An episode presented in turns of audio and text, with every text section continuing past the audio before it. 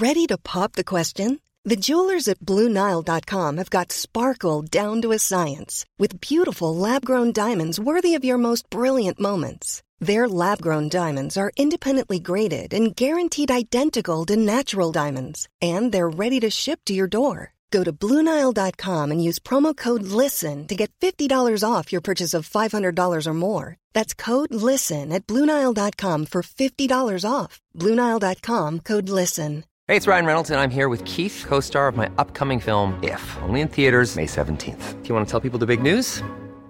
All right, I'll do. Sign up now and you'll get unlimited for $15 a month and six months of Paramount Plus Essential Plan on us. Mintmobile.com slash switch. Upfront payment of $45 equivalent to $15 per month. Unlimited over 40 gigabytes per month. Face lower speeds. Videos at 480p. Active Mint customers by 531.24 get six months of Paramount Plus Essential Plan. Auto renews after six months. Offer ends May 31st, 2024. Separate Paramount Plus registration required. Terms and conditions apply if rated PG.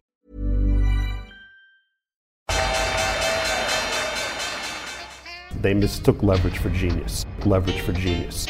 I would recommend Japan. The governments don't rule the world. Goldman Sachs rules the world. Velkommen til en ny episode av podkasten 'Tid er penger', en podkast med Peter Warren.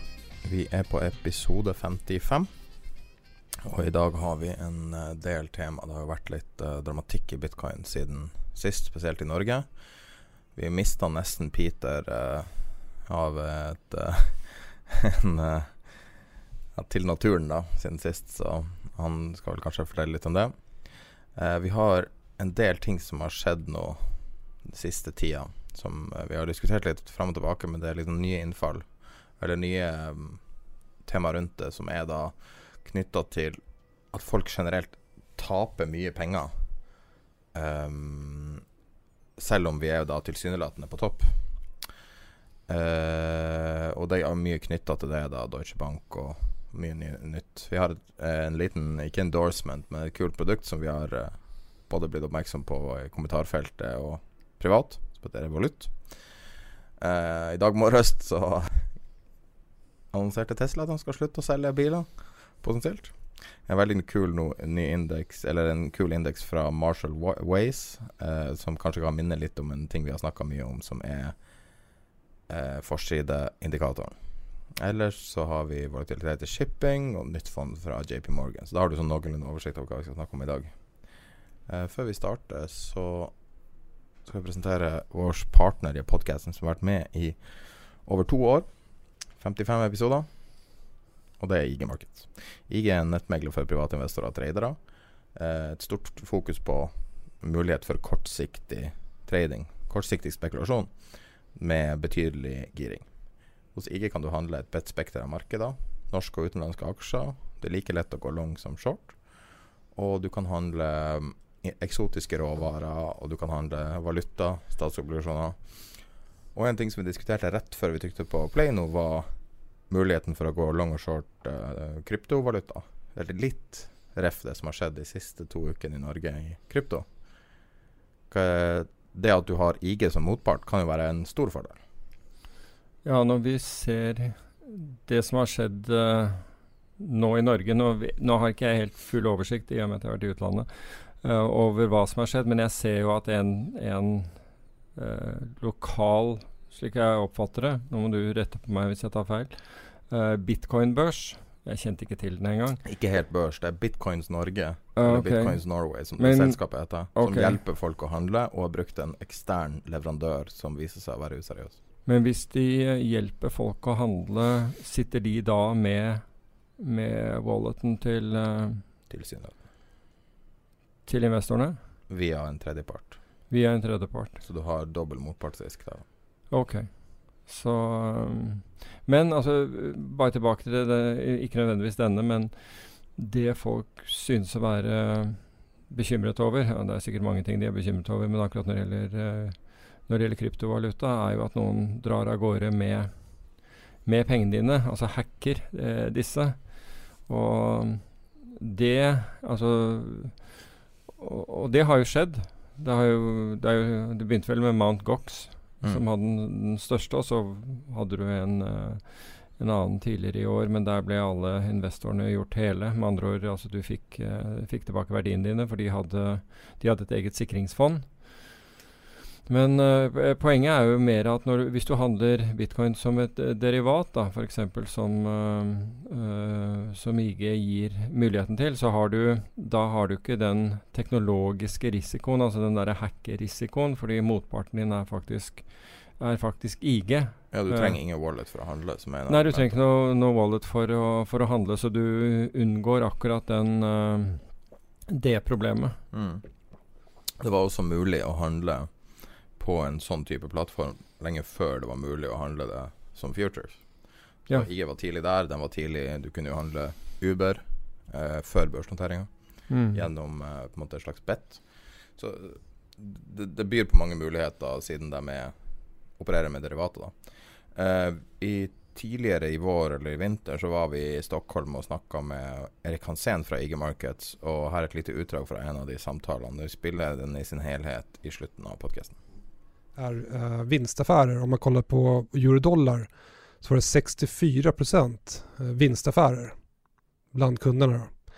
Men anledningen till att majoriteten då förlorar pengar det är att förlustaffärerna var betydligt mycket större än vinstaffärerna. Eh, så det är någonting man ska tänka på. Eh, försöka hålla kvar i vinsterna lite längre och ta förlusterna lite tidigare.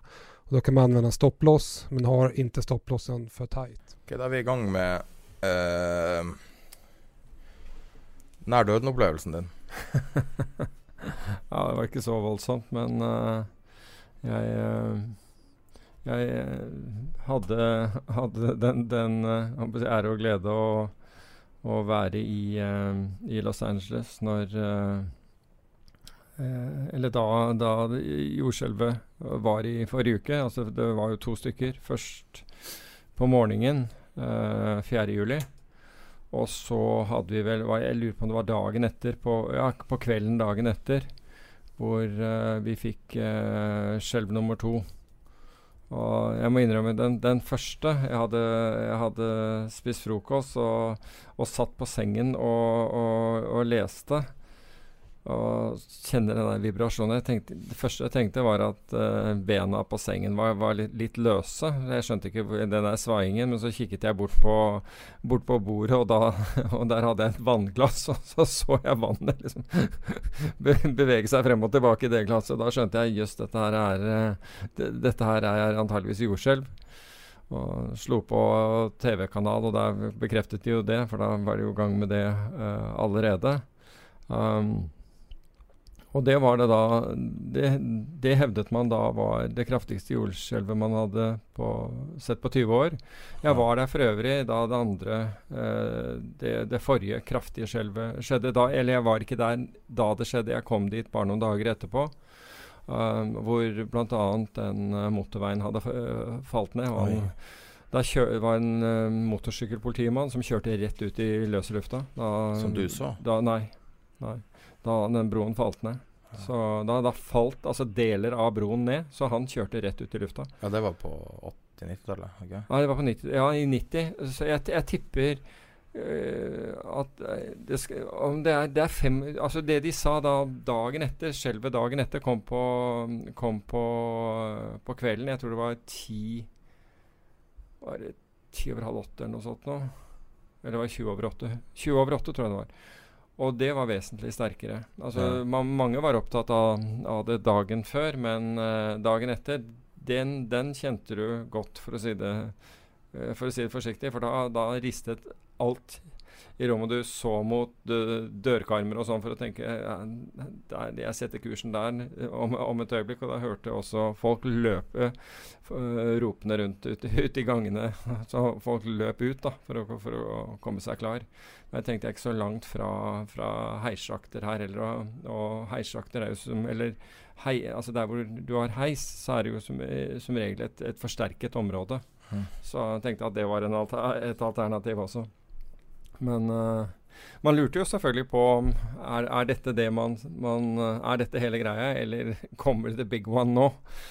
Uh, så det går ting rundt i hodet ditt at ok, det, hvis dette, her, hvis, hvis dette her blir noe mer alvorlig, så er det iallfall vann og energibarer og noe sånne ting man, man trenger. For fuel i bilen, så, så har man i hvert fall så man kan både bevege seg og og har næring. Men uh, det kom ikke til det, da. Så det, altså det var ikke Det kjentes altså Det var dramatikk når man så, så ting på, på, på fjernsynet. Da, altså da var det jo liksom virkelig drama. Det var et i et, uh, uh, unnskyld, TV-studio i uh, Los Angeles, så kastet man seg ned under, under bordet, bl.a. Når, når dette skjedde. Så det rista godt. Men det, altså én ting er å være i annen etasje i en, en fireetasjes bygning. Jeg tror det der Hvis jeg var 60 etasjer opp i en, i en, i en skyskraper i downtown Los Angeles f.eks., da tror jeg at Da tror jeg det hadde vært en helt annen opplevelse. Da hadde du nok vært redd. Var du i uh, Los Angeles for å prøve lykken som spillefilm?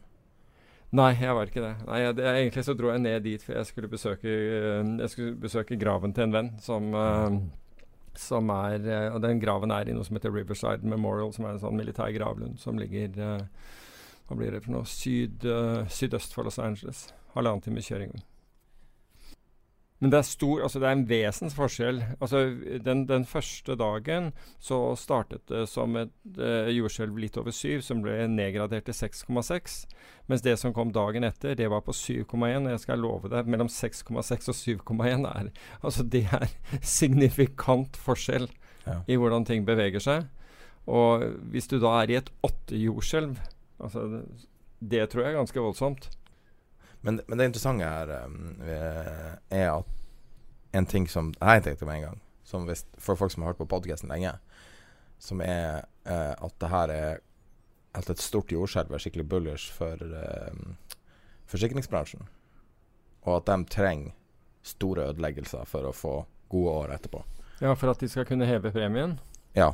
Sånn at de hever premien i ca. ti år hvis du får en sånn skikkelig skikkelig sånn elendig Ja, men det tok jo Altså, vi hadde jo Vi snakket jo om dette når det gjaldt uh, katastrofeobligasjoner. I fjor, mener jeg.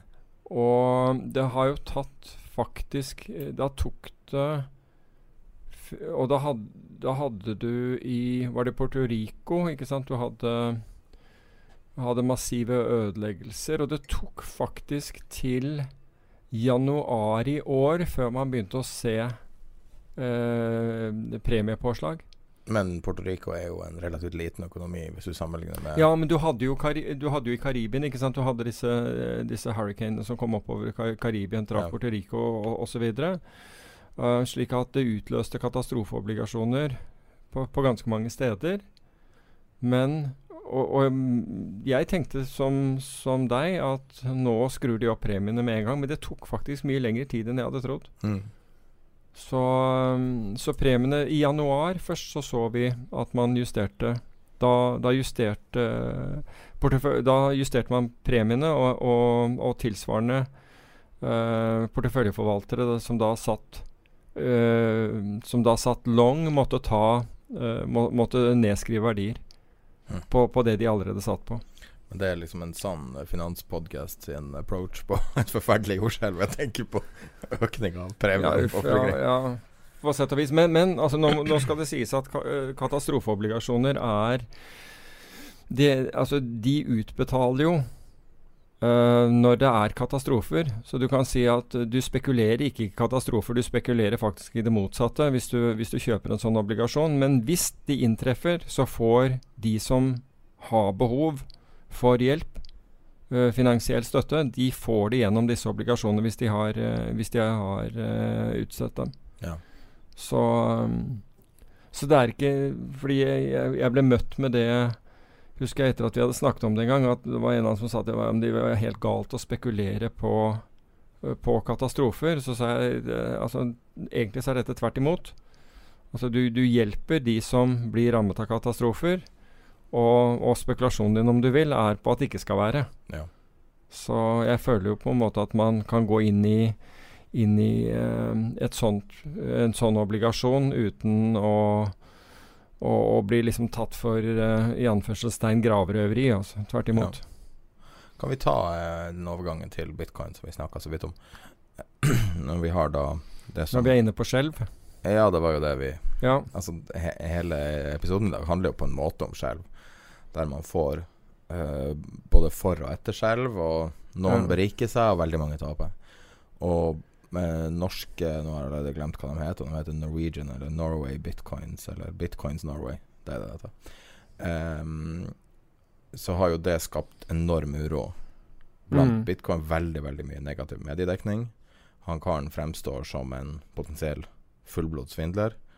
Selv om jeg tror, for så vidt på historien hans, at han brukte en underleverandør som var useriøs. Um, og, men du har den evinnelige hackeproblematikken i bitcoin. Eh, du har jo sagt tidligere at du hadde Jeg tror du sa Nå siterer jeg deg fra Mm. podkasten, da, men jeg tror du sa at ca. en tiendedel av, av din uh, formue er salta ned i et fond som gjør en bet på krypto. Ja, eller de gjør på på, på, ja, er, på, på blockchain. Ja. Uh, det er riktig. Um, Så hva syns du, som da er ganske stor investor på, Jo, men- i det området? Hva syns ja, du om altså det? jeg er jo investor for så vidt i, i, eh, i bitcoin også, uh, men det er mye, mye, mye mindre uh, andel. Um, Uh, altså jeg ser ikke Jeg ser ikke parallellen mellom Altså For det, for det første uh, er blokkjede en helt annen ting enn enn kryptovaluta. Men vi, vi må også huske på hvor dette med krypto kom fra i utgangspunktet. Og det var på en måte en reaksjon på alle de skjevhetene som oppsto under finanskrisen og etter finanskrisen. Nemlig den, der, den hemningsløse pengetrykkingen, altså, som da på et eller annet tidspunkt vil redusere verdier. fordi hvis du ikke skaper uh, verdi tilsvarende uh, den økte pengemengden, så, så skal det uh, så skal det komme til uttrykk en, med at en, en valuta faller, f.eks. Og den massive mistilliten som var til til banker og banksystemet eh, etter, etter, finanskrisen. Så det er litt sightguist her for at man skal forstå hvorfor eh, disse kryptovalutaene kan være ikke alle kryptovalutaer, kan, eh, kan, ha merit. Jeg vet at det er mange som mener at de ikke har det. Men hvis du nå begynner altså, Det er interessant fordi i vi hadde den, den crazen som var i, i krypto, og som endte Uh, på like etter uh, årsskiftet i fjor. Hvor vi toucha så visst det var 20 000 før dette her falt kraftig. Hvor folk gikk mann av huset og skulle ha dette. Det var ikke måte på. Og det interessante er at den oppgangen som startet da i år, og hvor man bundet ut på 3000 og et eller annet tallet for, for, for bitcoin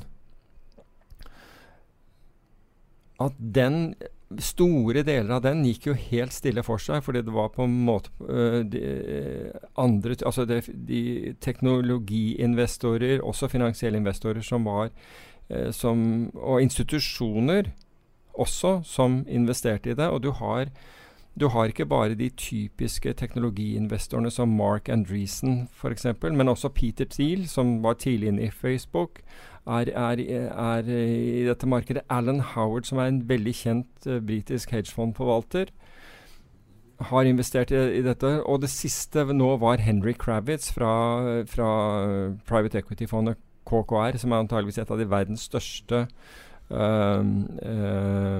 private equity-fond, som også har tatt en stake i dette. Og dette har foregått veldig stille, og du ser også at man har lykkes å få banker med på oppgjør og, og administratorer med. Og det har skjedd en hel del i bakgrunnen. Fidelity har, har, kommet med. Det er flere og flere av de store som har kommet med. Men så fikk du denne, så begynte oppgangen å ta litt av.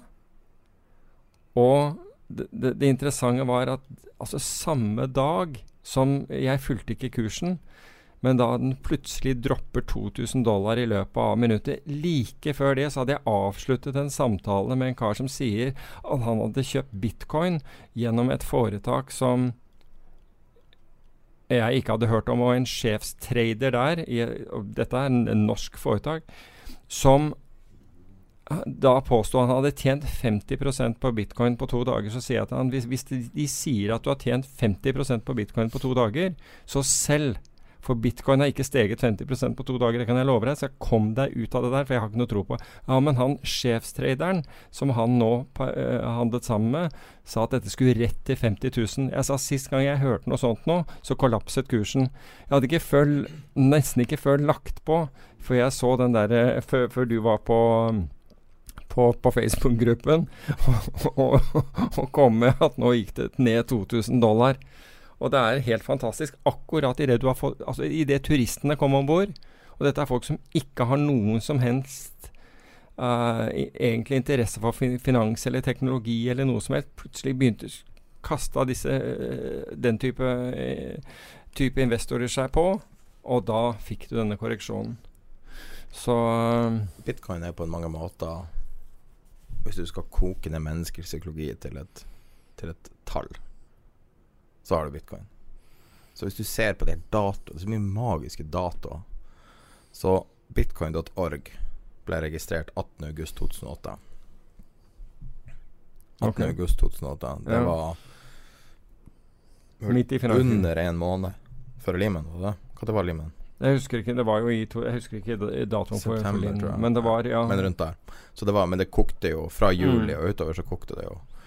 Um, 31. oktober så publiserte da en person som man ikke vet hvem er fortsatt, som heter Satoshi Nakamoto, eh, tit en eh, whitepaper som heter 'Bitcoin a peer-to-peer electric cash system'. Det var 31. oktober. Det var midt i Altså, det her var for, for yngre lyttere, så var det her samme tidspunktet som eh, finansministeren i USA gikk foran eh, Kongressen og sa hvis dere ikke bailer ut bankene, hvis dere ikke lager en, en bailout på jeg tror det var 600 milliarder, så kan jeg ikke garantere for at det er eh, penger i minibanken på mandag. Jeg kan ikke garantere for at det er melk på butikken.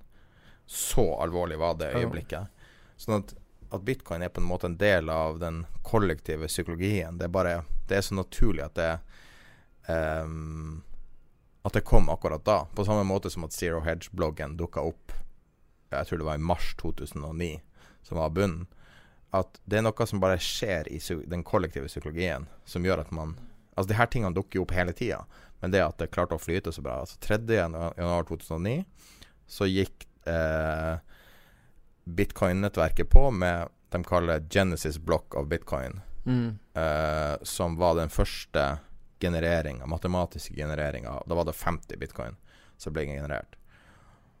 Og um, så hvis du da ser Hvis du da zoomer inn til Eller zoomer måtte ut og tilbake inn til noe, så ser du på DN 15.1 i år så skrev de på forsida av avisen Derfor er bitcoin en fiasko.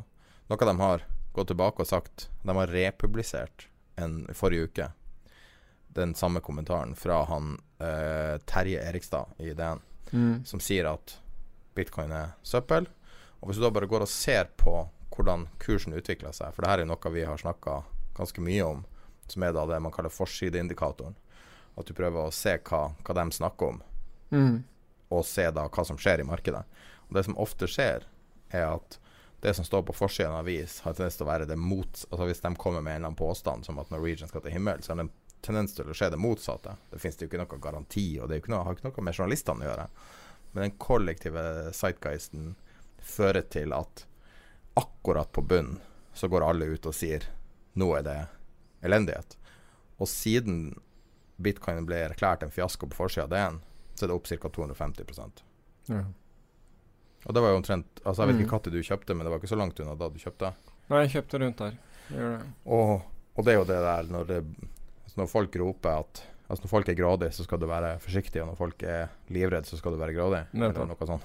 Eh, sikkert sagt litt vakrere av eh, Warren Buffett, faktisk. Warren Buffett. Ja. Mm. Ehm, så da er spørsmålet Har DN rett denne gangen om at bitcoin er en fiasko denne uka fordi at ett firma har gjort en teknisk feil?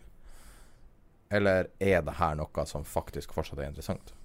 Så jeg, jeg ut, uten å, å kjenne til, og det, slik jeg forstår det, så er det vel ingen som helt kjenner til hva som har skjedd med dette norske foretaket. Men, uh, men det, det er jo helt opplagt at det er viktig å vite hvem som er motparten din, altså hvor, hvor uh, i, disse, i disse transaksjonene. Og nå har du jo Altså, du har store registrerte børser på, på bitcoin. Du har en, en, en, rekke av dem, og de er uh, uh,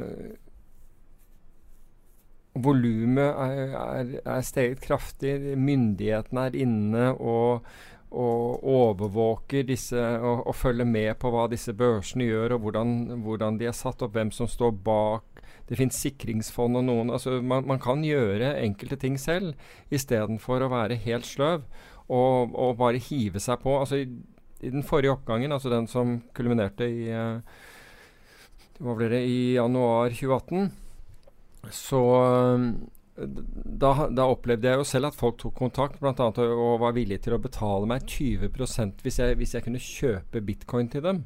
Altså bare for å gjøre, altså Da går det helt ut av kontroll. Hele greia er ute av kontroll. Men, men folks grådighet er ikke så mye å, å gjøre noe med, men folk, det går an å bruke sunn fornuft. Uh, når, når, det gjelder dette. Men jeg kjøper ikke argument... Altså jeg, etter å ha opplevd den, eh, den, finanskrisen, så er bitcoin Hele ideen er, det, er på en måte å forsøke å gjøre penger, om du vil, hvis du kan kalle bitcoin penger. Jeg vet ikke om du kan det, fordi um,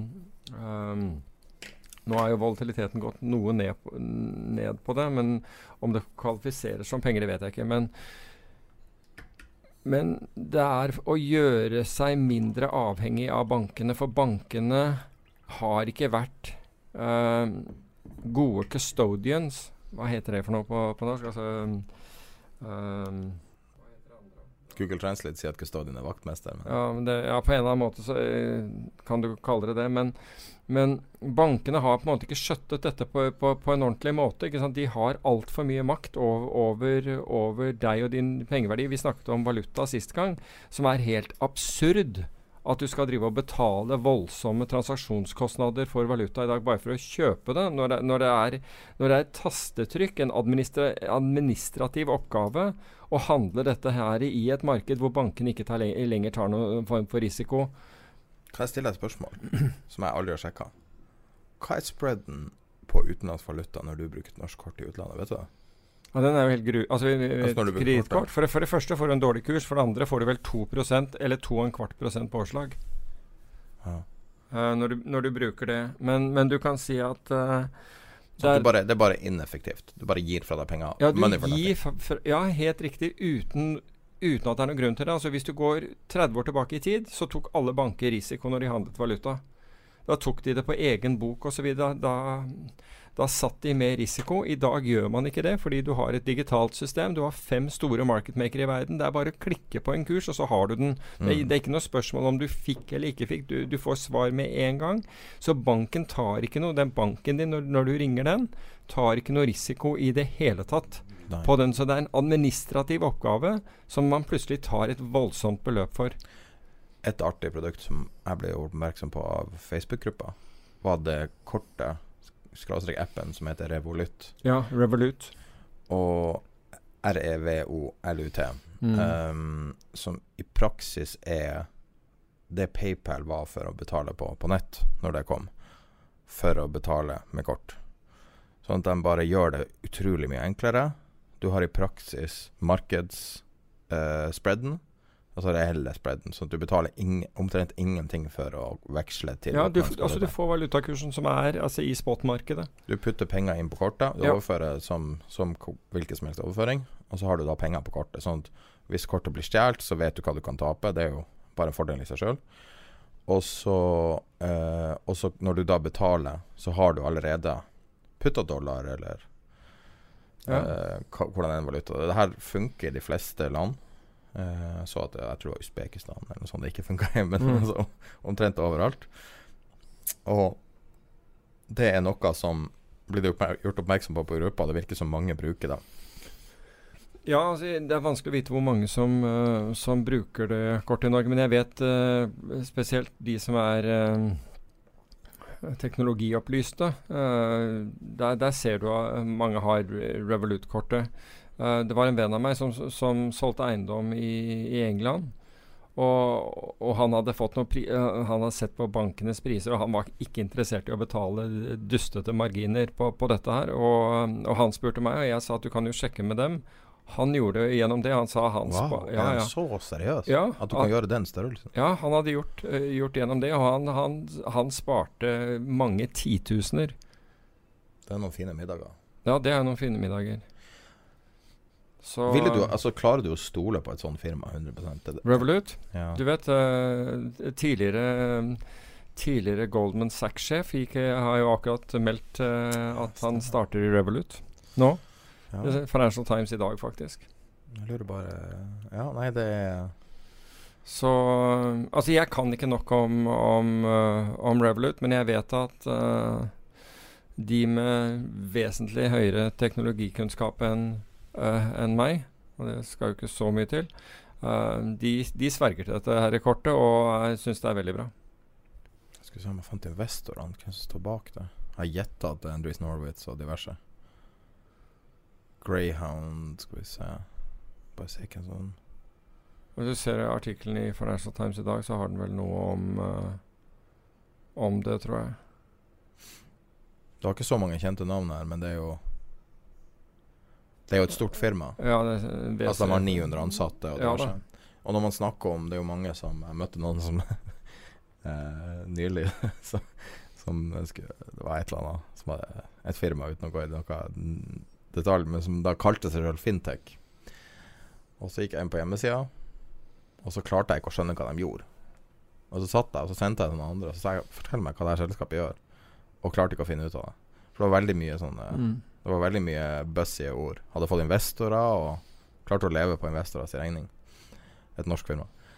Og, men altså, gud vet hva det er de leverer. Mens det her er bare så obvious value. Altså, valuen er bare helt vanvittig.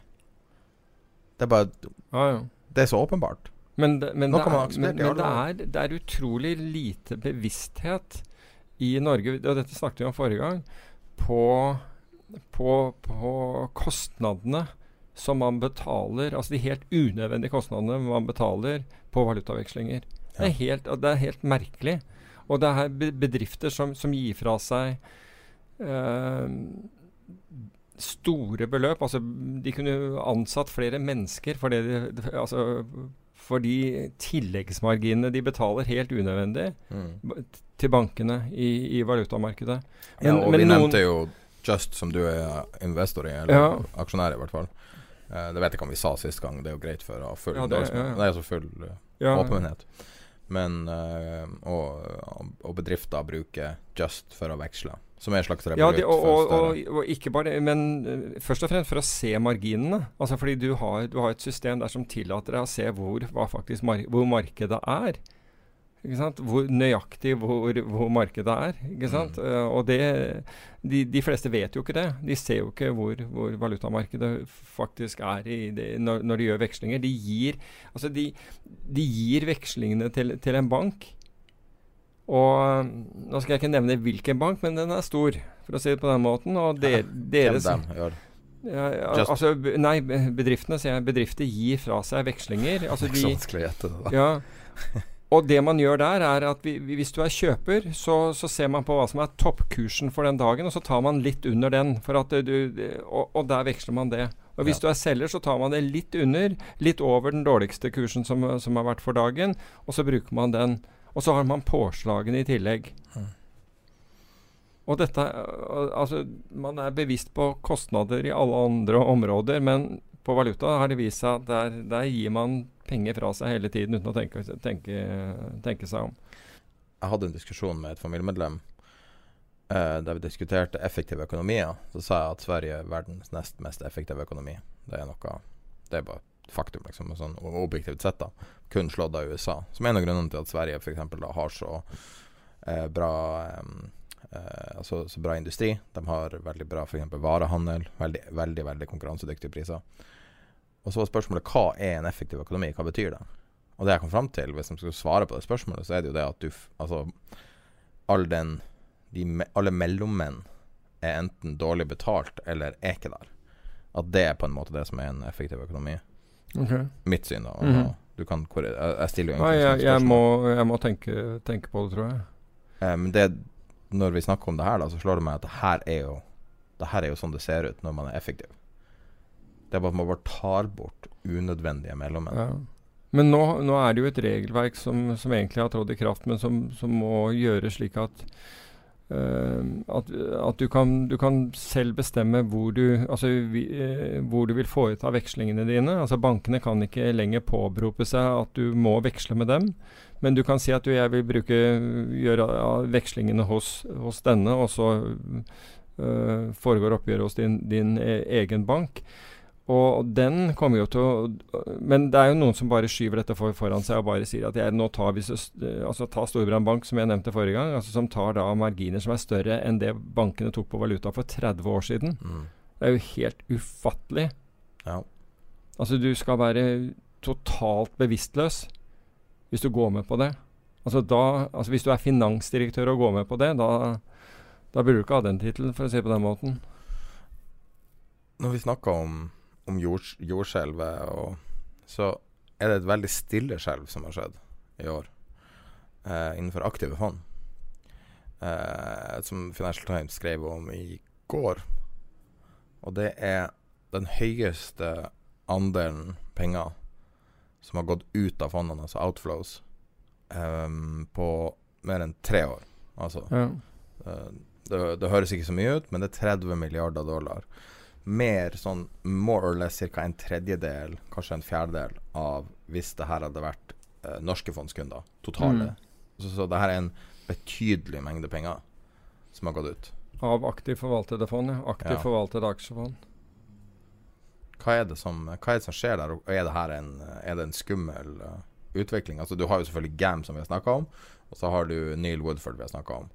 Ja, eh, og så har du Ja, og, og, og um Hva er det heter for noe? Uh, Franklin Templeton. De har jo opp, altså de har jo blitt utsatt for, uh, for, for så, altså store fondsforvaltere mm. som driver aktive fond.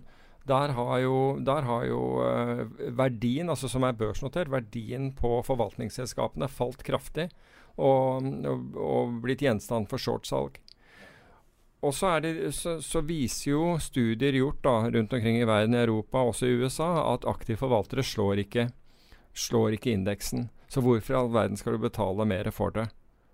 Og det er jo for så vidt et poeng, men det er også farlig når alle pengene blir, eh, blir konsentrert i, i indeksfond. For indeksfond er dumme. De skiller ikke mellom gode og dårlige selskaper. Altså bare selskapene har nok, uh, norsk, nok børsverdi, så blir de innlemmet i, uh, i, i en indeks. Så når alle pengene nå strømmer til indeksfond, så skulle det gi større muligheter for aktive forvaltere. Men aktive forvaltere har de siste ti årene også hatt utfordringer takket være pengetrykkingen, altså kvantitative lettelser, for de har løftet alle båter. Og da blir det ikke synlig hva som er bra og dårlig. Og det var en som, som snakket om det her forleden, at, at uh, altså nedganger i aksjemarkedet, det det avslører det avslører dårlige forvaltere, men det avslører også Ponzi-schemes i, i, aksjemarkedet. Altså der hvor man bare har tatt penger fra, fra nyinvestor til å betale gamle, altså type eh, Bernie Madoff, blir avslørt. Altså det er, det, er, det er, den renselsesprosessen som markedene gjennomgår i en, eh, i en nedgang, er på mange områder. Det er ikke bare det at uh, overpriste selskaper uh, faller uh, i verdi, eller blir liksom mer blir, blir, riktigere, om du vil, priset. Men det er en helt an, hel del andre mekanismer som vi nå skjuler ved å gjøre disse kvantitative lettelsene. Og ta f.eks. da Woodford, hvor det viser seg at mye av meravkastningen skyldes at man sitter på illikvide posisjoner. Og det er jo det Woodford også sier. Kan, man kan ikke selge disse her, fordi uh, markedet er Altså, tidenes bull market i, uh, i aksjer er ikke er, er ikke er ikke uh, bra nok til å selge på. Altså hvordan Det, det høres jo helt vanvittig ut at Go ahead. Tror du at når man skal drive oss ut og spå om hva som kommer av elendighet, og mange har liksom gjetta kanskje ETF-er, indeksfond eventuelt, at det vil skape eh, sånn feilprising at det skaper et skred av salg. Men hva hvis det er likviditeten som egentlig er problemet? Vi har jo sett profilerte, store, altså borderline milliardærer veltes av 2% 5% nedtur. Og en av de grunnene kan jo være nettopp likviditeten. Ja. At du, du, Greit at du sitter med store verdier, men du blir ikke kvitt det. Til uansett pris. Men da kan du jo også spørre deg selv om de der verdiene var Altså var, var verdsettelsene riktig i utgangspunktet? Altså Hvis det er så tynt at det er bare noen få aksjer som flytter markedet Altså Det fins noen sånne på Oslo Børs også. Det finnes, altså Nå skal jeg ikke nevne noe, men det fins eh, et selskap på Oslo Børs som omtrent har det fem investorer. Og til tross for den industrien som det, dette selskapet er i, at den har gått vesentlig ned, nedover, så har, liksom, så har aksjekursen her gått oppover den. Det fins på en måte ikke Altså, den, den holdes oppe. Og det sies også at det er et fond som sitter på et, et, fond sitter med 20, altså 20% av fondet er investert i, i, i, dette selskapet. Om vi, vi, altså, og dette blir jo ikke avslørt før markedene virkelig drar, drar til nedsiden. Det er samme måte som, øh, som øh, vi, vi snakket om forrige gang, at private equity ofte sitter, de sitter stille i båten og, og skriver ned verdier veldig lite, til tross for at markedene utvikler seg katastrofalt. altså Sånn som i, i, under finanskrisen. Hvordan er det mulig å gjøre? Mm. Fordi um, Det er ikke noe omsetning så, i aksjen, men det er jo helt åpenbart at det ikke finnes kjøpere i nærheten. Altså Hvis børsen er ned 50% så er det ingen som gir som gi, ingen som gir gammel pris for, for et, uh, et ikke-børsnotert selskap. Så um, Men det er jo det vi, vi kommer tilbake til igjen og igjen, som er at everything's effed up. Ja, altså jeg, jeg tror lik likviditet er en issue. Og, og du kan si at jeg, jeg tror også at i veldig mange tilfeller så har folk hentet merverdi, tilsynelatende merverdi, ut av illikvide aksjer. Og det er aksjer som man ofte kan Som det tar veldig lite Skal veldig lite til for, for å bevege eh, prisen på dem. Og så ser det veldig bra ut. Og I Norge hadde vi, hadde vi et eksempel. Det var, da var et fond som, som imploderte fordi det viste seg at, det viste at fondsforvalterne hadde, hadde satt altfor høye priser på, på, på de verdipapirene som dette fondet hadde. Viste det var helt urealistiske priser også. Det har skjedd i to tilfeller. Ett var et aksjefond, og ett var, var, et, um, var et spesialfond. Um, så Men det er jo, det er jo litt sånn symptomatisk det at, at svindler Vi har jo Det er jo kjent det at når ting eh, piker, så piker jo også svindler. Ja. Og Men, men da kommer det til syne, ikke sant? Altså, da, Nei, det kommer til syne etter fallet, som ja, regel. ja, nettopp. Så det at ting kommer til syne nå, må jo bare, bare indikere hvor utrolig mye svindler det er. Ja, altså jeg, jeg, ja, ikke nødvendigvis synd, men, men hvor mye som er uh, Som Altså hvor hvor folk har gjort utrolig sløve ting til tross for at liksom alt synes veldig bra i økonomien, og, og børsene stiger og, og den biten der, så allikevel klarer likevel folk å, å kjøpe aksjer som de, de går rett og slett over ende fordi de sitter og, og Fordi de har kjøpt. Og det er jo liksom Ja, merkelig i seg selv. 2001, eller 2000-2001. Enron. Mm. 2008. Madoff. Ja. 2019. Vi har ingen så stor fortsatt. At du har Woodford, men ja. altså, det er jo ikke sånn Altså, jeg tror ikke Woodford det er jo ikke en scam, sånn nei, sett. nei, det er ikke det. da er spørsmålet eh, Hvis du tar Enron Enron kunne ha overlevd som selskap. En little known fact at hadde Enron klart å unwinde, så hadde de sannsynligvis overlevd, men det, de klarte tålte ikke oppmerksomheten. Mm. Eh, men det var jo altså, relativt sett ikke så mye penger når man ser nå. Og Madoff var jo 50 milliarder eller noe sånt dollar. Mm. Og de fikk vel tilbake noe sånt som Var det 70 cents on dollar eller noe sånt? De fikk mye tilbake. Ja, de, ja, de men Citigroup-investorer tapte jo 90% Ja, det samme gjorde disse sveitsiske eh, privatbankene også. Det. Ja, men jeg mener altså Citigroup Ja. falt jo som en stein. Oh, ja, sånn, ja. sånn at Ja, altså uh, Bernie Madoff-aksjen oh, sånn, ja. implisitt Ja. Mm. uh, outperforma Citigroup veldig. ja. Godt poeng. Eh, men, men det er liksom sånn Altså den Du har nå Siste tida så har du to store To st Det her Altså den nyheten om som er i dag, som er om eh, Om Deutsche, og så har du Sostar General. Ja. Som begge gjør store nedleggelser. Ja. Av folk, sine, sine aksjetradingdesker. Men hvis du ser altså Vi har jo hatt en rekke sånne artikler, uh, også i Norge. ikke sant? Altså Se på, se på uh, altså Aksjemarkedet i Norge falt med 2% i fjor. Mm. Og allikevel så ser du kjente norske investorer tape en kvart milliard og mer i fjor. Og det vil si at dette er to ting. Det ene er at du kjører en antageligvis en veldig risikabel porte portefølje altså av aksjer. Du så en, eh, en annen gruppe, altså Vatne-gruppen, som er liksom kjempeflinke innenfor eiendom, tapte kraftig på, på aksjer i fjor. Og det er til tross for ganske en veldig altså Jeg ville jo sagt at en nedgang på 2% på, på en indeks er, er ganske moderat, men enda så har man liksom tapt, har man store tap. Og så kan du spørre og, og det er to ting her. Det ene er den der risikoen, altså at man tar mye risiko. Sannsynligvis har man brukt belåning, vil jeg tro, for å klare, det, for å, klare å komme opp i, i, i sånne summer. Og det andre er den konsentrerte risikoen. Det vi ser nå, er at alle er avhengig av aksjemarkedet. Altså vi, nå ser du eh, Du så Credit Suisse. Du så Deutsche. Jeg må si at Credit Suisse har jeg tror jeg fått med meg hva, hva det gjaldt. Jo, der hadde også, der hadde de også trading, ikke sant? Et rent eh, eh, tradingtap. Okay. Og det, dette er liksom proprietære gruppene rundt omkring som da skulle være kjempeflinke til å, til, til å på en måte rene alkymisten når det gjelder penger Mm. og avkastning. Men alt har vært avhengig av aksjemarkedet. Alle er på en måte avhengig av at aksjemarkedet stiger, ellers så taper de ikke. De, det er ikke bare det at de taper, men de taper stort.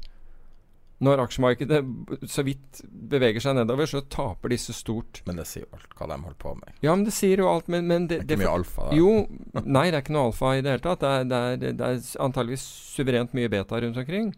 Men det forteller Og, og nå har myndighetene gjort alt de har kunnet for å presse Altså, det gjør de jo også med med, med rentevåpenet, altså svekke renter så mye at, du, at det er negative renter. Hvem er det som godtar negative renter? Jo, det er de som tenker at jeg kan tape enda mer ved å være i aksjemarkedet, så jeg bryr Altså når 30 års eh, sveitsiske renter er negative 0, minus 0,05 får du i året for å investere i 30 års sveitsisk statsobligasjon. Og- har, har du null igjen etter 30 år? Nei, du er, du er i minus etter 30 år.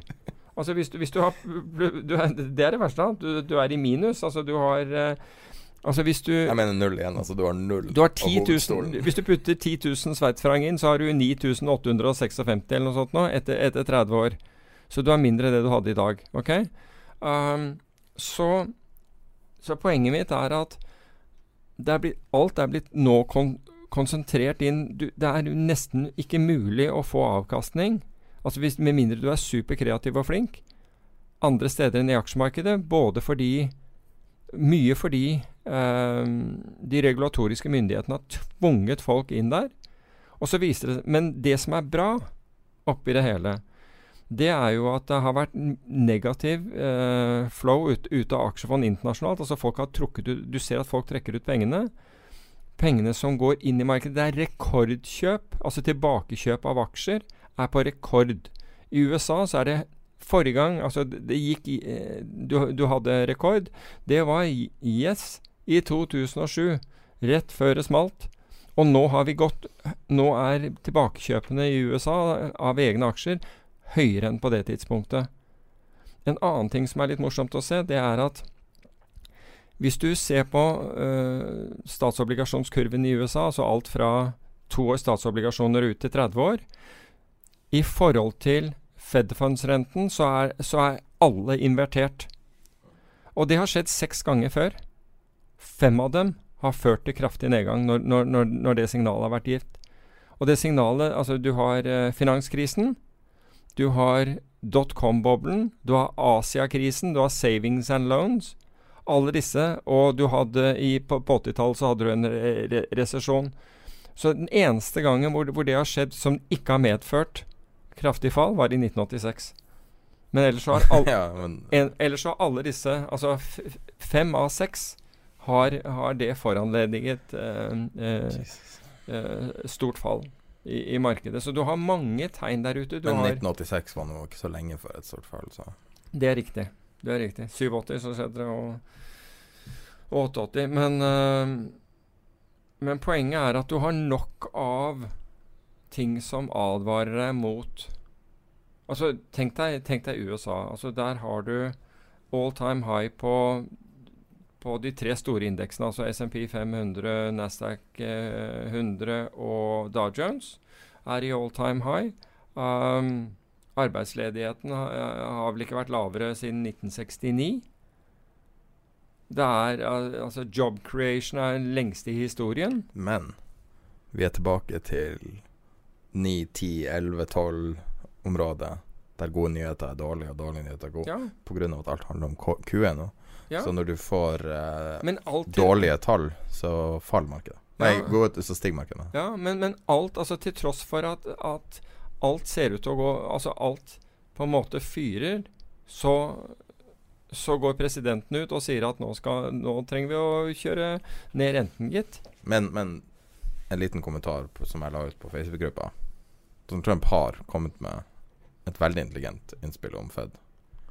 Men det var i 2013. da Ja, nettopp. Det var i 2013. The Fed's pumping is great news in the short term, Ja, but it can't last forever. Be, pr be prudent in your market investing. ja, det sa han i 2013. Men det er morsomt Men det var også Det var interessant å se, apropos 4. juli og, og Trump.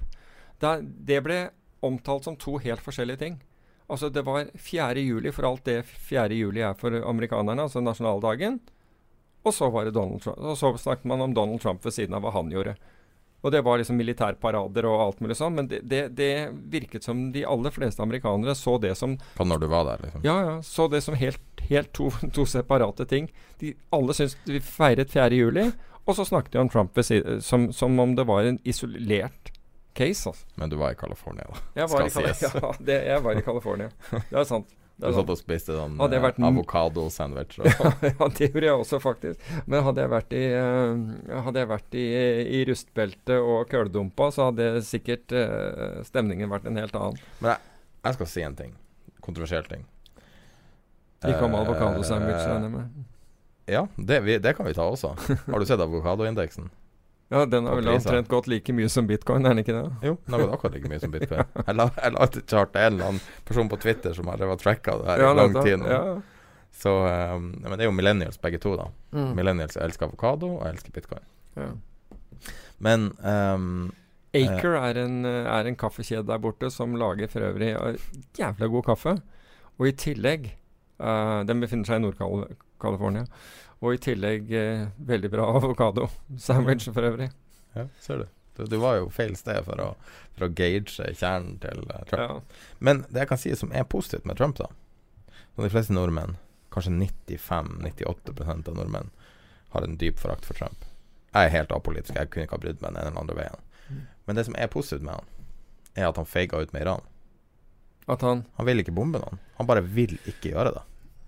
Helt. Da det har kommet ut Mannen Altså, du mener mannen som på den ene siden sier at han skal utslette hele nasjonen. Men han sier det. Men Ja, han og så, gjør trekk, det så trekker han seg fra å, å Fra å, å, å drepe 150 mennesker. Som Ja. var et White House estimate, og ikke et militært et, bare så det er sagt.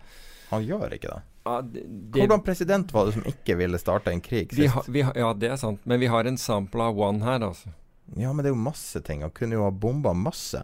Altså, tenker på, altså, det har jo alltid vært refleksen for alle presidenter å bare bombe i hytt og pine.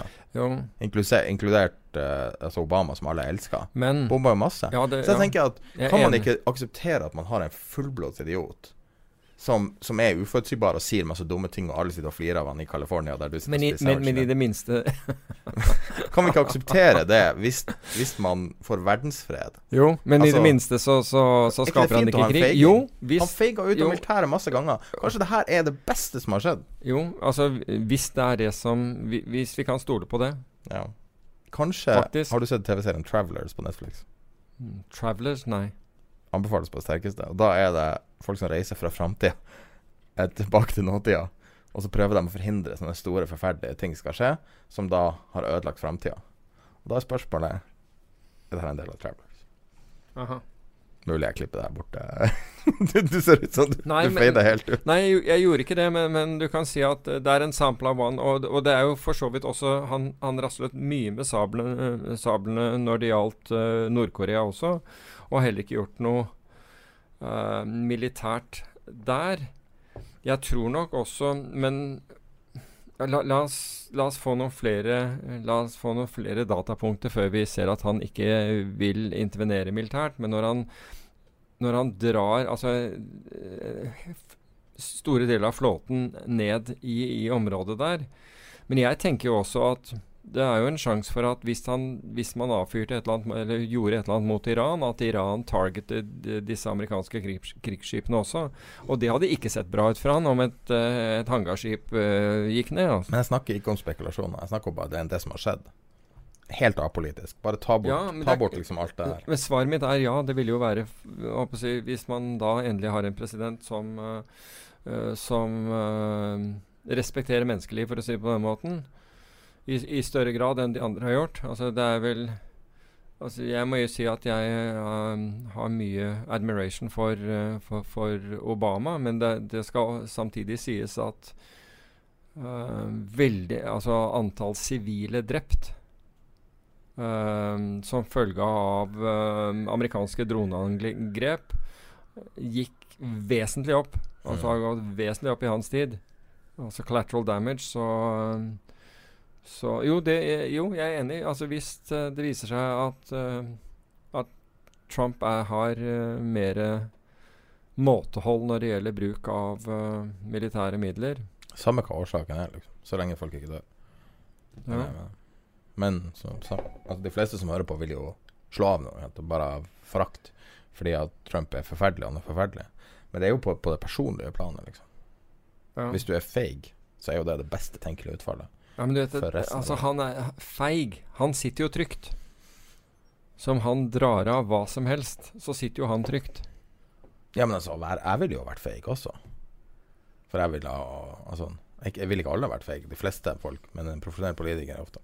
Men nå er vi way off topic. Ja, vi er way, way, way. Det er det. Uh, du har snakka varmt om intelligent trading, Ja. og de tapte en kvart milliard i fjor. Ja, det er helt riktig. Står det på E24. Ja, jeg, jeg leste også det, ehm, og interesserte meg nok for å, for å lese artiklene om det, og det viser seg at Altså, jeg, jeg vet jo øh, opprinnelsen til at de, eh, at de slo gjennom og tjente mye penger, var jo det vi kaller latency trading. Med andre ord at de, var, de brukte høyfrekvens og, var utro, og, og klarte å skrive rask kode, og handlet da mellom tyske eh, renteinstrumenter, Bont, Bobel og Schatz, for de som måtte være interessert i det. Og de så da, altså når den ene beveget seg, så skyndte de seg å kjøpe den andre osv. Og det tjente de pengene sine på.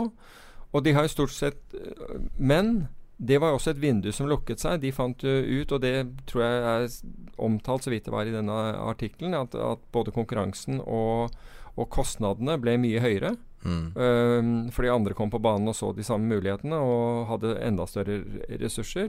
Uh, slik, at, slik jeg forsto, så flyttet de seg over til, til andre områder. Men i fjor så hadde de da, eh, sånn som artikkelen blir beskrevet, lagt ned algoritmehandelen og drev mer tradisjonell inve investeringsvirksomhet.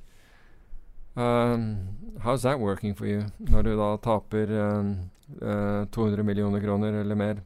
Ja, og de gikk, Ik- hadde ikke så bra. 260 avkasting for det, liksom. Ja, altså de har, de har vært utrolig flinke. Ja. Men det, det er jo litt sånn skomaker blir vi det innlest. Og, og, og også tilbake til det vi snakket om litt grann tidligere, nemlig at alt er konsentrert inn i det samme. Og hva var det som skjedde i fjor? Jo, børsen gikk ned 2% og så plutselig taper disse her også en kvart milliard kroner. Det er jo penger, altså. Eller i nærheten av det, da, i hvert fall. Var det 200 de tapte, eller et eller annet sånt? Men um, mot, mot å ha tjent 260 året før, eller et eller annet sånt. Men um, Får jeg lov å fronte en teori? ja. Kjapt den. Uh, det er ikke min. Leste jeg for lenge siden på gruppa. Uh, delt av Nå skal man få uh, kreditering her, så um, Det var en fantastisk fin eh, graf her. Skal vi se, skal man få navnet sitt. Delt av Thomas Faye Willoch eh, på gruppa for noen måneder siden, som er da en graf over hvor norsk gjeld kommer fra. Mm. Og du har gjeldsveksten fra 96 til i dag. Og det er en veldig, veldig veldig klar og tydelig tendens her. Altså, du har mange forskjellige foretak, men du har i praksis to store. Du har banker, altså boliglån, som steg fram til starten av 2008, og falt tilbake og er more or less på samme nivå som i 2008 fortsatt. Og så har du kredittforetak, som da var ingenting fram til 2008, og nå er nesten like stor andel som banker. Og da er det Bank Norwegian og alle de her. Alle dem som reklamerer Så på forbruksgjeld er det du snakker om? forbruksgjeld og kredittkort. Kredittkort var jo nesten ikke-eksisterende i Norge før. Mm. Og så har du et par andre typer foretak. Statsbanker trekker fram, og, og eh, finansieringsselskaper. Men det begge er veldig små, og også da like store andeler. Så det som korte trekk skjedde, du kan gå inn og skal legge ut Det ligger i, eh, beskrivelsen av gruppa, så ligger grafen, og så ligger den også ute. Og skal legge den ut på nytt på, på Facebook-gruppa. Uh, men det som er interessant her, er jo at vi har fått uh, masse, masse veldig gjeldsslaver i Norge. Du har anekdotisk fått høre at en del av egenkapitalen til folk som er inne i boligmarkedet, er finansiert av kredittkortgjeld eller forbrukslån. Um, og så får du nå et gjeldsregister som da ikke bare straffer folk for å ha mye gjeld, men også for å ha potensiell gjeld. Så hvis du har kredittkort der du ikke har brukt kreditten, så regnes det som gjeld også. Eh, og det ble lansert 1. juli i år. Hva skjer da hvis du har et kredittkort uten, uh, uten uh, kredittramme? Uh, ja, det Det er morsomt å høre. Da, da har du mye gjeld. Ja. Men eh, eh, det er vel ikke så mange som har det utenom deg og, og dine naboer, liksom. Nå, nå var du slem. Ja, men tenker du på MX? For MX er jo på en måte et, et sånn eh, unikt kort der du ikke har ei sann kredittramme. Ja, er altså, du betaler ja, ned slutten av ja, måneden. Liksom. Ja, ja eh, nå Kanskje jeg- det er ei kredittramme der som du ikke vet om. Ja, eller det, det vil si at jeg har hatt flere kort jeg hvor, eh, hvor man ikke har, har, har hatt ramme. Men eh, jeg hadde også eh, Men det er blitt konvertert til akkurat den der type eh, kort som du, du nevner nå. Ja. Men, men hvor, hvor du ikke har hatt ramme. Altså så lenge du gjør opp for deg, så er det greit. Men, Sånn. men tenk deg alle de folkene som har sykler til 50 000 kroner, og som har griller som er sånn seks meter brei, og som har nye hagemøbler hvert år, og som har gir bort sofa som er tre år gammel på Finn, for å kjøpe seg nye sofa, osv., osv., osv. i forbruk. Mm. Der folk har normale jobber, men tilsynelatende uendelig forbruk. Alle influenserne som tilsynelatende har så mye ting. Og alle kjøper seg jakker til 6000 kroner stykket og sånn. Når du ser på denne gjeldsveksten her, så er det jo, det er jo åpenbart hvor en betydelig del av det kommer fra. Det kommer Mm. fra gjeldsbygging. Ja, ja. Og da vi fikk mye Eller jeg som nevnte Bank Norwegian i negativt ordlag, og kalte det 'card of shame', når du bruker det. det var en som likte det veldig dårlig. Eh, så poenget mitt var Det var ikke å gjøre eh, ta lett på det, for eh, poenget var at du har folk som tar på seg gjeld også for å bare gjøre dagligdags handel av melk og brød. Uh, men spørsmålet er nå Norge virker Altså Norge er en av de landene med, ver med høyest gjeldsgrad i verden. Jeg tror Mm. bare slår Danmark og ett land til, muligens. Um, fordi at folk har så utrolig mengder gjeld. Når man ser på alle de båtene som ligger ute i fjorden her, og hvordan er det finansiert, alt det her? Når folk tjener maks en million i året, liksom, de aller fleste. Men det, det er jo dette som Finanstilsynet har vært uh, bekymret for også. Um, og det er jo den der gjeldsveksten. Og når du snakker med, med folk, og de vurderer å gjøre nye uh, Kall det forbrukskjøp eller hva det er, så er det jo hvor mye de kan tåle i måneden. Altså, øh, og de bruker jo da gjerne dagens rentenivå, og så sier de ja, kanskje tåler en halv prosent til, eller et eller annet sånt. Men de, de tror på en måte Og så kjøper man. Mm. Det er eh, Altså hvis du, hvis du stoppet opp nå, så tror jeg du ville se en markert, eh, et markert skift. Det tror jeg absolutt. Altså Hvis det bråstopper, hvis den kredittetterspørselen i Norge bråstopper, da kommer du til å se det på, på norsk økonomi. Altså. Det er ingen tvil om. Ja. Nei, bare Det er urovekkende, hele greia. Ja, det er det. Men altså, det er urovekkende den måten vi pumper opp gjeld på. altså Ikke bare i Norge, men, men altså på, på nasjonalnivåer i, i, mange land. Det, bare, altså, det, virker som det er ingen stans i pengetrykking. Det er, det er, bare å kjøre på. Og dette er et eksperiment som aldri har vært gjort før. altså i, i, den, i, i den, størrelsen som vi er oppe i nå. Og så fortsetter vi bare med den. altså når Med en gang vi bakker av fra pengetrykking, så, så altså Se på Se på Europas økonomi, hvor det har vært gjort massiv pengetrykking. Altså Det er jo knapt vekst rundt omkring. Altså Det er jo litt vekst i Tyskland. Under 1% bare 0,8. Italia så vidt over 0. 0,1 eller et eller annet sånt. Altså det, er, det skjer altså Til tross for denne pengetrykkingen, til tross for at vi har tvunget altså ned renter på Eh, på obligasjoner gjort de negative og vil ha penger inn i økonomien via aksjemarkedet, så er det så vidt det har latt seg gjøre. Altså å, å, å ha noe vekst i det hele tatt. Den er så langt under, under målene. Og så sier vi at ja, det er ålreit. Altså, det er ti år siden vi, vi, hadde en krise, så på ti år så er i hvert fall det meste glemt. Men jeg tenker jo at den, det må jo være den eneste grunnen til at ingen har reagert på Jeg syns det er rart for øvrig at ikke Forbrukerrådet Dere hører jo på, så dere burde jo tenke på dette her. Altså reagere på at ikke innskuddsrenten er, er, eh, har fulgt lånerenten oppover i, i, i bankene. Fordi altså den, den rentespredden Men uh, altså antagelig så er svaret på hvorfor ikke folk er engasjert i det, er at de har ikke noe innskudd. Det er ikke noe sparekonto. Sparekonto 0,0. Ja, ja, ikke sant. Altså, det må jo være det. fordi ellers så, så burde jo vært et uh, Altså burde jo virkelig folk ha gått på, på barrierene for uh, for den, den, forskjellen som er. Altså det Her settes utenlandsrenten opp, og så bare la meg Altså det er knapt innskuddsrente å få. Mm. Um, bankene utnytter dette her. Og så, så sier man jøss, se bankene tjener penger til tross for at liksom, renten går opp. Men nå ser du uh, men bankene tjener penger til tross for det. Selvfølgelig gjør de det. Det er jo marginen mellom inn, innlån og utlån som er viktig for banker. Men det er rart. Men kanskje det er det som er svaret. At folk har ikke noe penger på konto, så det, who gives a damn?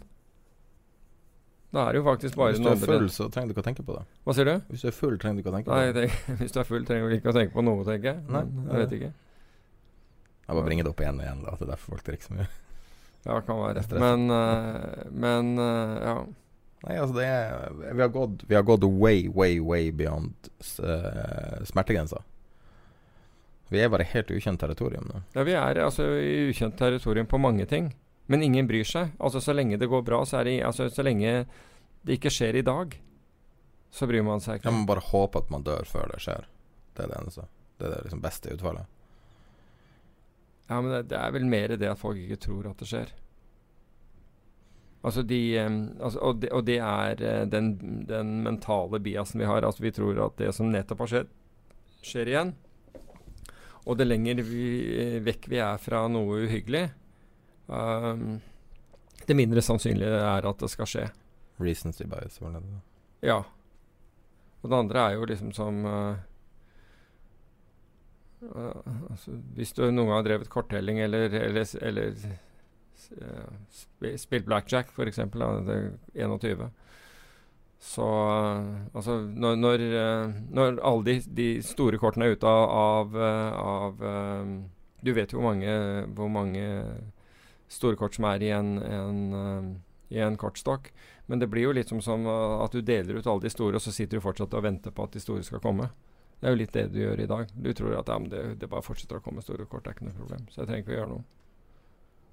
Uh, Men det som er litt mer komplekst, for å ha en smidig overgang til et lite tema Det som er litt mer komplekst enn markedet Man har prøvd å bruke kunstig intelligens i i markedet, og man har prøvd å gjøre det i, i sjakk f.eks., mm. der det funka veldig godt, for det er et veldig klart definert spill. Finans er ikke fullt så klart definert, sånn at man har ikke fått kunstig intelligens til å gi samme return. Du har noen som har fått det til, det. til en viss grad, men altså, du har ikke fått noe sånn revolusjon som man kanskje trodde skulle komme. Altså, du har noen, noen enkeltindivider som er uvanlig intelligent, men, intelligent. men f.eks. hvis du har ETF-ene som, som, kalles kunstig intelligens, så har ikke dem, har ikke dem gitt uh, sånn orders of magnitude bedre uh, Bedre avkastning. avkastning. Og det som også er et veldig vanskelig problem, er selvkjøring. Du har jo fått beskjed om Eller man får vite det i Oslo, der den selvkjørende bussen som går rundt, Mm. er veldig lite velfungerende. Du har en kar som i praksis er sjåfør, og den bråbremser sånn at folk flyr veggimellom. Hvis du går på DN-TV og ser, så kan du se Jeg har sett det sjøl. Det Altså, du bare tenker Det her kan umulig være to år fram i tid eller ett år fram i tid. Det her er 50 år fram i tid. For det her er et vanskelig problem å løse. Hvordan i alle dager løser du Ja. noe så også, Det er jo hele verden, på en måte. Og så har du da Elon Musk. så veldig kort innspill. Det var i dag morges det kom ut der. Der han sier på Twitter de skal slutte å produsere biler for salg Når, eh, når de har løst full self-driving, altså det man kaller level 4 self-driving. mm. Level 5, eller kanskje. Og da er spørsmålet Ville du da kjøpe Tesla-aksjer nå, i påvente av full self-driving, og at bilene skal da være Jeg lurer på om de sa sevenfold dyrere, altså 7x pris, og da er Tesla tilsynelatende det mest verdifulle selskapet på jorda. Svaret er nei. Svaret er nei, jeg vil ikke kjøpe det for det. Altså, jeg oppfatter Jeg oppfatter uh, Musk for å være genial, men også være Også være passe gal. Um, jeg vil ikke det. Apropos det, så du ser Du ser eh, Teslaer i, uh, i California. Det er ikke mange. Altså det, det er en veldig liten del av, av bilparken som er eh, som er Teslaer eller elektriske deltatt. Jeg tror jeg så en annen en Leaf også ved en anledning, men resten var eh, Men ellers så ser du Du ser av og til Men det er jo altså Det er ikke som Norge. Nei, men de har jo ikke 100% skatt på de andre bilene, så Nei, nei, nei, nei. det, og det er en ting du, du lurer på. Altså Det er seksfils motorveier uh, som går i alle retninger. Um, bensinen er rimeligere. Biler koster omtrent ingenting. Og det er ikke en jækla Jo, det fantes bomstasjon oppe ved San Francisco, men det, det jeg betalte totalt Altså kjør, Det er for å kjøre inn mot San Francisco, men jeg tror ikke det er på alle veiene. Fordi eh, jeg tror hvis du kommer opp Highway 1 og den veien der, så, så er det vel ingen. Men jeg, ved to anledninger, da betalte jeg seks dollar per, per gang. Altså to uh, ganger, altså tolv dollar. Mens eh, hele Los Angeles-området, altså seks fils motorveier, billig bensin og Og um, det koster veldig lite med, med og, og bensin er billigere, og så lurer jeg på hvordan Og de har også sykkelveier, bare så det er sagt. Plenty av sykkelveier har de klart å, å, å få der. Ikke på, ikke på liksom sånn som Santa Monica Du lurer på om jeg skal selge elbiler, var det det? Eller? Nei, altså poenget mitt er at de, de, klarer, de har tydeligvis klart å finansiere dette her Sånn. uten, u, uten bomstasjon, u, uten bom, bomstasjon hver, hver, hver syvende meter. Det har gått helt greit, det. Helt greit. Vi må touche inn på bomma, liksom. Ja, bare, ja, bare må. Jo, men, du kan, men du kan jo lure Du kan jo lure på hvordan de har klart det, altså med de utfordringene. Og det er ikke det. Ok, de har ikke vinter og, og snømåking, men til gjengjeld så har de, eh, må de eh, fikse veiene etter jordskjelv innimellom også. Ok, jeg skal ikke rante om dette her, men uh, it makes you wonder. Hvor mye koster det å passere den her Bygdøy-bommen? Har ikke peiling. Jeg vet ikke, jeg husker ikke hva det koster. Det er ikke det avhengig av kl klokkeslett på dagen. Og, Vet ikke, det er litt sånn uklart hele greia for meg. Ja, men er, jeg tror det er avhengig av klokkeslett på dagen hvor du passerer og Men du har jo fått deg elbil, da. den, Det skal jo sies. Ja. Du er fornøyd? Ja, jeg er veldig fornøyd med den. Så det er jo Men i Norge er det jo veldig obvious grunn til det. Det økonomiske årsaker. Ja, men altså, de, jeg syns det altså, Det er jo greit å, å, å ikke, ikke uh, forsøple miljøet, for all del. For all del er det jo det. Altså Selv om det også kan diskuteres når det gjelder elbiler. Apropos forsøpling, da. Shipping er jo det skjetneste eh, som finnes, omtrent. Kanskje flyet er verre, jeg vet ikke. Akkumulert er det kanskje verre. Um, så da har du skrevet at Hvorfor shipping er så volatilt, men jeg vet ikke Ja, altså det, det er fordi noen puttet på gruppen og, og Nei, På Twitter var det det? Ja, Martin Bruteig som Ja, men jeg var ikke også Det kanskje var det, var det kun på, på Twitter. Jeg trodde det var på gruppen også. Jeg syns jeg hadde sett det på gruppen, men i hvert fall hvor vi hadde snakket om volatilitet. Og, og, og Martin Bruthaug påpeker at uh, at uh, shipping er mye mer volatilt enn enn omtrent noe. Og det er jo klart at, det, at shipping er ekstremt volatilt. Jeg har vært investert i, uh, i skip selv. Um, Har du det? ja. ja, ved flere anledninger. Men uh, sist gang var vel en, uh, en Panamax som, uh, som Hvor kontrakten ble signet i 2000, og vi tok levering av skipet i Oshima, i Japan i 2002. Jeg var der borte i forbindelse med den, med den dåpen. Um, men, uh, men hvorfor, er, hvorfor er shipping så uh, så utrolig volatilt? Jo, det ene er jo at det er ekstremt avhengig av altså frakt og økonomien generelt. Og i tillegg så er det høy belåning på skip. Og kombinasjonen av de to tingene gjør at verdiene svinger noe helt enormt.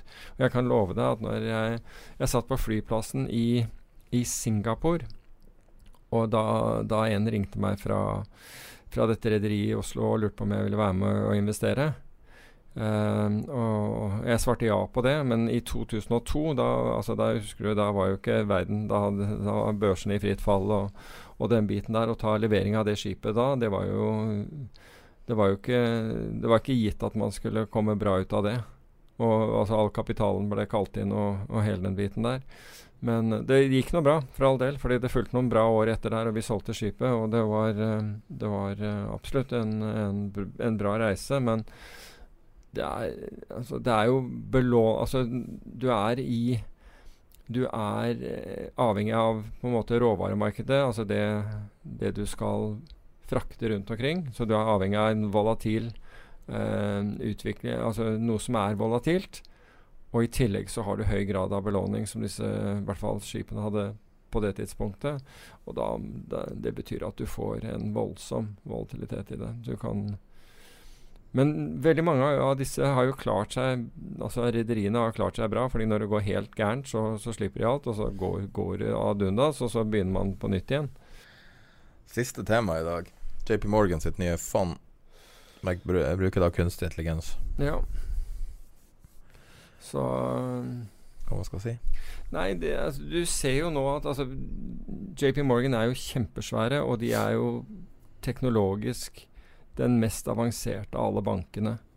Og du ser hvor, hvor, hvor de putter hvor, hva, de, hva, som er deres satsingsområde. 15 milliarder dollar.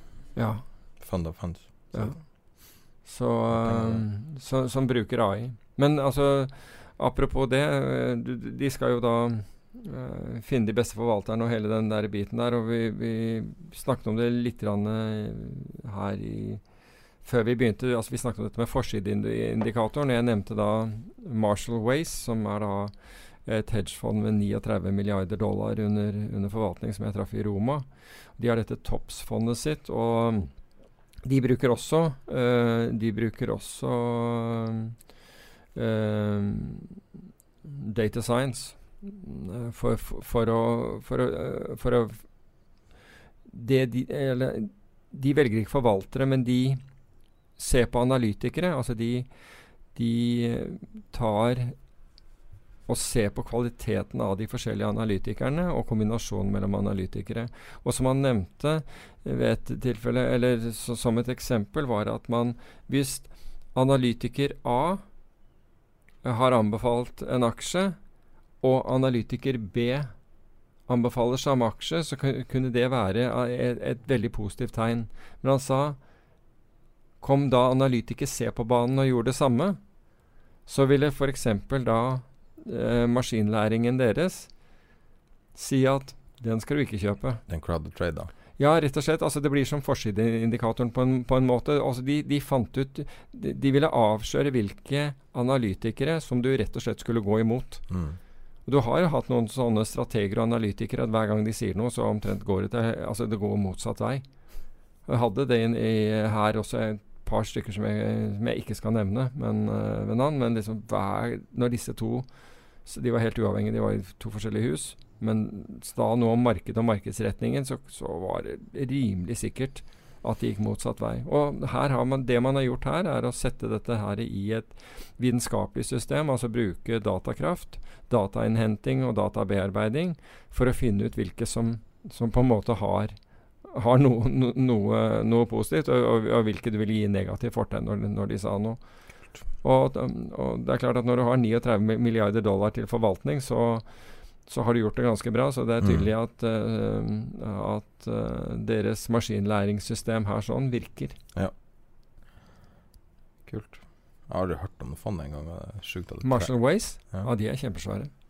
Ja, det er det og det er veldig mange av de forvalterne altså, som senere har startet opp innenfor altså, in, med AI og, og, maskinlæring og sånt noe, som, som kommer derfra. De, altså Volian, som jeg nevnte, de mener jeg som jeg nevnte forrige gang, uh, dette Berkeley-baserte uh, hedgefondet, de, de, mener jeg var i uh, Marshall Ways først. Mm. De har bakgrunn fra Marshall Ways. Jeg tror de startet der ganske tidlig, og så branchet de ut fra Marshall Ways. Så de er store. Jo, vet du hva? Nordmenn kjenner, Vet du hvorfor nordmenn kan uh, gjenkjenne Marshall Ways? For jeg tror det er de som har en av de største short-posisjonene i Norwegian. I hvert fall hadde de det. Så Og da var det jo snakk om dette dumme hedgefondet, utenlandske hedgefondet som hadde short-posisjoner der nå alle andre, når alle, alle smartingene, norske smartingene var long, eh, var long Norwegian. Har du hørt hva Norwegian har begynt å gjøre nå? Hva de har begynt å gjøre? De er desperate etter penger, det er så obvious. De har begynt å håndheve uh, sånne der, uh, håndbagasjeregler som inkluderer da hvis du har vært på taxfree-en og kjøpt noe så hvis du da har håndbagasje, så går du i taxfree-en og tar med deg en pose fra taxfree-en, så regnes det som håndbagasje, og så blir du tvunget til å sende posen din uh -huh. For 750 kroner. Oh, ja. Det er så, sånne Men jeg har sett noen av disse her rammene som de har på hva du kan ha i håndbagasje, og der vil jo ikke Altså der vil jo antageligvis ikke en toalettmappe uh, klart å bli presset nedi hvis du har liksom en fullsize uh, tannpastatube og en, um, og en tannbørste. Så Jeg er fortsatt bitter at jeg var kjosfest i New York i 24 timer. ja, Begge veiene. Og hvor, ma hvor, mange, hvor, mange, år er det siden? Det er lenge siden. Altså. Det er, sendte jeg mail til Bjørn Kjos. altså pissed. Nei, men jeg tror vi avslutter nå. Eh, vi er på en og en halv time nå. Det var noen som ville at vi skulle kjøre lengre episoder. Jeg vet ikke om vi klarer å kjøre noe særlig lengre episoder. Vi mister litt piffen helt på tampen der, som regel. Ja, jeg vet ikke hva det skulle være vi skulle tatt av eh, Jeg så forresten på muligheter, eh, fordi vi har sett på gruppen dette med, med å hedge hva sikre norske verdipapirer. Altså hvis du har eh, eksponering i norske aksjer. Uh, og da så jeg på i dag morges, basert på at Obexen er 8,22, mm. så kunne du kjøpe en 780 putt, altså si, som er da ca. 5% under markedet, og utstede en 860 call, som er da ca. 5% over, over markedet, og betale 0,5 poeng. Altså det er 0,06 mm. Og da er du sikret Altså hvis markedet fortsetter oppover, så får du med 5% til. Det er ikke så dårlig. Altså det, dette er, dette er august-opsjonene. Får du 5% til. Hvis markedet går ned, så er du beskyttet altså hvis det faller mer enn 5% Markedet faller mer enn 5% og de betaler du 0,06% på. Jeg syns ikke det er en dårlig uh, Uh, altså hvis, hvis det er ganske bra tips å få gratis. Ja, altså jeg tenker at hvis, hvis du sitter og er, um, og er nervøs for det som foregår i markedene, er, eller det som foregår i økonomiene, så er det kanskje Og du liksom vil ha fred og ro i løpet av sommeren. Du sitter tungt vektet i, i, i, norske papirer, så er ikke det en så dum ting å gjøre. Veldig bra tips på tampen her. Og da tror jeg vi avslutter med det. Og så her er uh, avslutningsvis uh, vår samtale med Erik Hansen fra IG Markets. Det handler jo primært om å ikke tape penger når du trader. Ikke å tjene penger er positivt, men hvis du bare klarer å unngå å tape, så er det bra. Kan du fortelle litt om, om ut, liksom utdanning mm. eller utbildning på Svenstad som, som dere gjør med tradere? Mm. Ja, men precis som du sier, så majoriteten som uh, sysler med kortsiktig trading, de, de förlorar penger. Uh, og uh, det er allmänt känt, det kan man läsa i alle tradingbøker og så vidare. Men samtidigt så har man alltid förhoppningar om att man ska vara en av dem som, som, uh, som, som, blir väldigt duktig på det här. Men jag kan också säga att det, det, vanligaste misstaget som många gör i början det är att de tar alldeles för stora positioner och man har en alldeles för tight stopploss. Så att, vilket det gör då att man, man blir utstoppad i positionen av, i onödan av, av bruset. Eh, det är mycket bättre att ta mindre positioner och ha lite längre avstånd till, till stoppen då, så att man kan vara med i lite större svängningar. Eh, så det, det är ett väldigt vanligt misstag vi ser. Eh, ett annat vanligt misstag som många gör det är att man, man håller sina förlustpositioner, tapppositioner alldeles för långt. Medan man tar hem sina vinster mycket tidigare. Uh, och där är, med, där är den mänskliga psykologin som ställer till det. Det känns väldigt tryggt att uh, ta hem en vinst med, medan det känns väldigt jobbigt uh, för egot att, att realisera en förlust. Då. Och där har ett bolag som heter DailyFX som IG äger gjort en studie ganska nyligen och då såg man att majoriteten eller om man kollar genomsnitt på alla våra kunder majoriteten av själva affärerna är eh, vinstaffärer. Om man kollar på eurodollar så var det 64 procent eh, vinstaffärer bland kunderna. Men anledningen till att majoriteten då förlorar pengar det är att förlustaffärerna var betydligt mycket större än vinstaffärerna. Eh, så det är någonting man ska tänka på. Eh, försöka hålla kvar i vinsterna lite längre och ta förlusterna lite tidigare. Och då kan man använda stopploss men har inte stopplossen för tight eh, och ta lite mindre positioner. Vad gör IG för att ut, utbilda, utdanna kundene? Ja, vi, vi har ju bland annat uh, nyligen lanserat någonting som vi kallar för uh, IG Academy. Uh, där vi har en, ett stort utbud av utbildningsartiklar. och vi kör även mycket webbinar. vi kommer köra igång några webbinarserier här under 2019 eh, en tradingskola och en CFD-skola. Eh, så att vi har ju väldigt stora incitament att våra kunder ska tjäna pengar. Eftersom vi tjänar pengar då på, courtage och på spreadar. Eh, så vi vill ju att det ska gå bra för våra kunder och att de fortsätter handla. Så vi ser väldigt, vi lägger väldigt stor vikt vid just utbildning för att våra kunder då ska, att det ska gå bra för dem.